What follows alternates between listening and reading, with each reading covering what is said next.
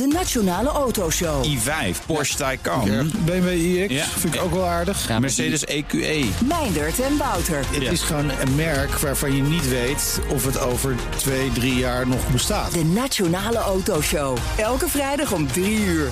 De Nationale Autoshow wordt mede mogelijk gemaakt door Van Mossel. Van Mossel, voor mobiliteit voor iedereen. Factgoeroes.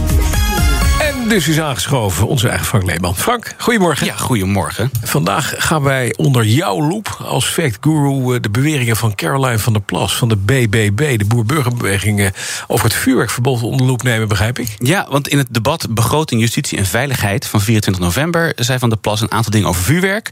Want ze vindt het vuurwerkverbod eh, verbod onzin en eh, beweert dat het geen zin heeft. Ja, en de getallen die voorbij kwamen, die verbaasden me wel een beetje. Dus ik vroeg me af, klopt dat wel?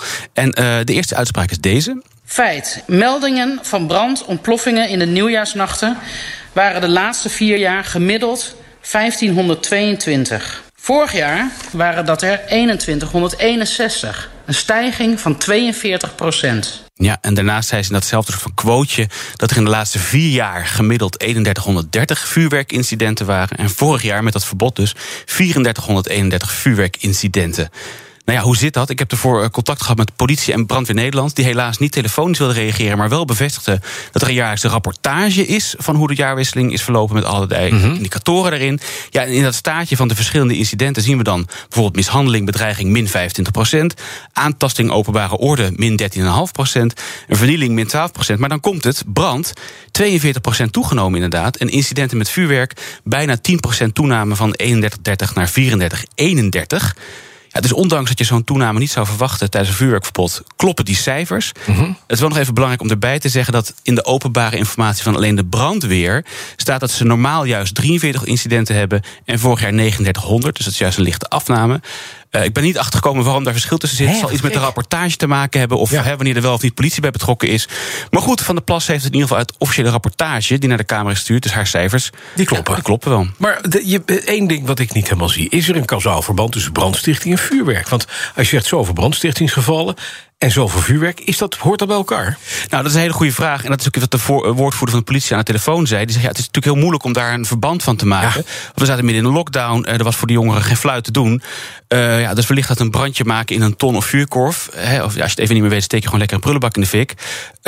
Dus ja, en dat geldt ook aan de meldkant. Vuurwerk mocht niet, dus elke knal was overduidelijk stout. Dat geldt ook voor brandjes en Ja. bijeenkomsten. Ja, het leidt misschien meer tot tot meer meldingen dan normaal. Ja, dus of het klopt om dat verband zo eh, te communiceren, dat is erg de vraag. Maar ja, die cijfers, die, die toename, ja, die klopt in ieder geval. Ja. Nog een, eh, een toename, namelijk eh, van het aantal ziekenhuisgevallen daardoor, Ja, door deze, vuurwerk. Deze uitspraak. Feit. In het laatste vuurwerkjaar 2019-2020 lag het percentage ziekenhuisopnames na melding op de spoedpost op 11 procent. Vorig jaar, met het vuurwerkverbod, was dat percentage 25 procent. Ja. Dat is gek. Dat is de reden dat dat verbod er kwam. Hè, om te zorgen dat die druk op de ziekenhuizen in een, in een coronagolf af zouden nemen. Want we zaten toen in de tweede golf, hè, het eind Ja. van de tweede golf. Maar kloppen die cijfers ook van Caroline?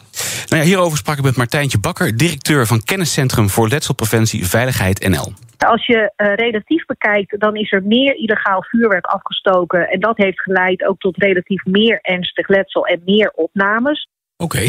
Ja, Nou. dus, dus, eh, en dus, dus om dat nog even te koppelen aan die uitspraak. Ja. Ze zegt, dus Van de Plas zegt dat het percentage ziekenhuisopnames na een melding op de spoedpost, eh, spoedpost is gestegen van 11 naar 25 procent. Dat is flink meer. Maar het klopt wel. Maar zoals je waarschijnlijk al een beetje wilt aankomen, dat is relatief. Dus het vertelt maar het halve verhaal. Hè, dus er zijn 108 mensen in het ziekenhuis geweest op de spoedeisende hulp. En daarvan zijn er 25% is uiteindelijk opgenomen. En in 2019, 2020 waren er 385 mensen in het ziekenhuis. En daarvan zijn er el- is er 11% opgenomen. Ja, kortom, afgelopen jaarwisseling 108 vuurwerkslachtoffers en jaarwisselingen voor bijna 400. Overigens is ook het getal eh, behandeling bij de huisarts enorm afgenomen.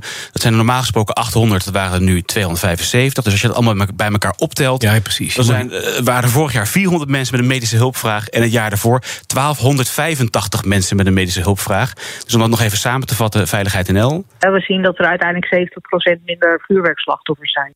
En dat is de bottom hele verhaal. Dus even niet naar het relatieve kijken, maar naar het absolute. Ja, of het hele plaatje. Ja, nou precies. Nu we dat weten, kunnen we snel even kijken naar een uitspraak over illegaal vuurwerk van mevrouw eh, Caroline. Feit. Zwaar illegaal vuurwerk is de oorzaak van de meeste letsels. Ja, nou ja, we hoorden net wellicht al een beetje in het fragment. Ja. In 2019, 2020 werd 20% van de letsels veroorzaakt door illegaal vuurwerk. Afgelopen jaar was dat 39%. En daar geldt dus ook dat het relatief hoger is. Want ja, legaal vuurwerk was verboden. Dus het is niet zo heel gek dat je aandeel illegaal vuurwerk dan stijgt. Eh absolute aantallen is het nog steeds een afname. Het is in ieder geval sowieso niet de helft van het letsel. Dus dat klopt niet. Maar in ieder geval kunnen we concluderen dat, dat ze zegt... op zich, cijfers kloppen, hè? De cijfers kloppen en ze gebruikt kloppende getallen, maar mixt relatief eh, en absoluut. En creëert daarmee het beeld dat een vuurwerkverbod totaal niet heeft gewerkt. Nou ja, dat was een 70% reductie in vuurwerkpatiënten. Maar ik moet er wel even aan toevoegen dat ik gisteravond laat nog een e-mail kreeg van David Baden, voorzitter van de Nederlandse Vereniging van Spoedeisende eh, Hulpartsen. Dat in een normale jaarwisseling gaat het om vier tot vijf vuurwerkslachtoffers per spoedeisende hulp per 48 uur. Maar normale patiënten, zeg maar alcohol en drugs, dat zijn er ongeveer 150 per spoedeisende hulp per 48 uur. Dus dat vuurwerkverbod leidde wel tot 70% reductie. Maar het is niet de grote almachtige oplossing Dat voor ontlaste zorg. Dus dat klopt dan wel een beetje. Ja, dus mevrouw, ja, oké. Het klopt op alle, ja, dus eh, het is geen totale onzin, maar het is ook weer niet de grote oplossing. Nee, dat precies. kunnen zijn. ja. Dat, dat blijkt. Dankjewel, Frank Leeman, onze fact guru. Elke dinsdag hoor je hem hier eh, zo rond de klok van 9.